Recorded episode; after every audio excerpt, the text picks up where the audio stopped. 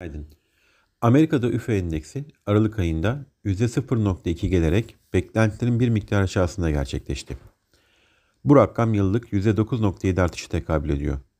Ekim'deki %0.6 ve Kasım'daki %1 artış sonrası Aralık ayında %0.2'lik artış üretici fiyatlarındaki artışın hız kestiğini işaret ediyor.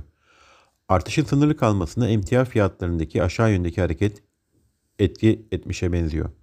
Diğer taraftan bu rakam 2010 yılından beri en yüksek rakamı işaret etmekte.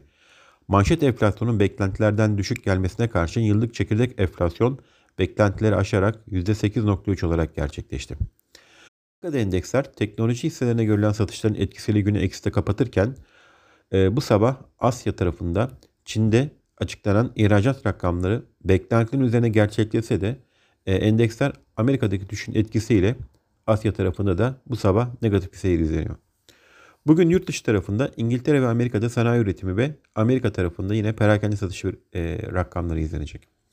Yurt içinde dün açıklanan verilerde sanayi üretiminde ihracatı dayalı üretim artışının devam ettiğini gördük. Sanayi üretiminde son çeyrek bir miktar ivme kaybı görülse de e, ihracat sanayi üretimini desteklemiş. Yılın 3. çeyreğinde geçen yılın aynı dönemine göre %10.85 büyüyen sanayi üretimindeki yıllık artış Kasım'da %8.5'tan %11.4'e yükseldi. Aylık büyüme ise %0.7'den %3.3'e çıktı. Yine e, dün açıklanan Merkez Bankası verilerine göre 7 Ocak haftasında yurt dışı yerleşikler 142.9 milyon dolar değerinde hisse senedi, 71.6 milyon dolar değerinde tahvil satışı gerçekleştirdi. Son 4 haftalık periyotta yabancıların hisse senedi pozisyonu 1 milyar dolar, tahvil pozisyonu 365 milyon dolar azalırken swap tarafında 535 milyon dolarlık çıkış gerçekleşti.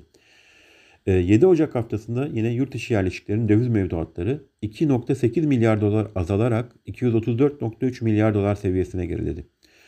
Borsa İstanbul tarafında dün de 2070 direnç seviyesini e, aşmaya çalıştık. Hatta aştık. E, 2090 seviyelerine yaklaştık ama gün içinde gelen kar satışlarıyla kapanış yine 2070 puan seviyesinden gerçekleşti.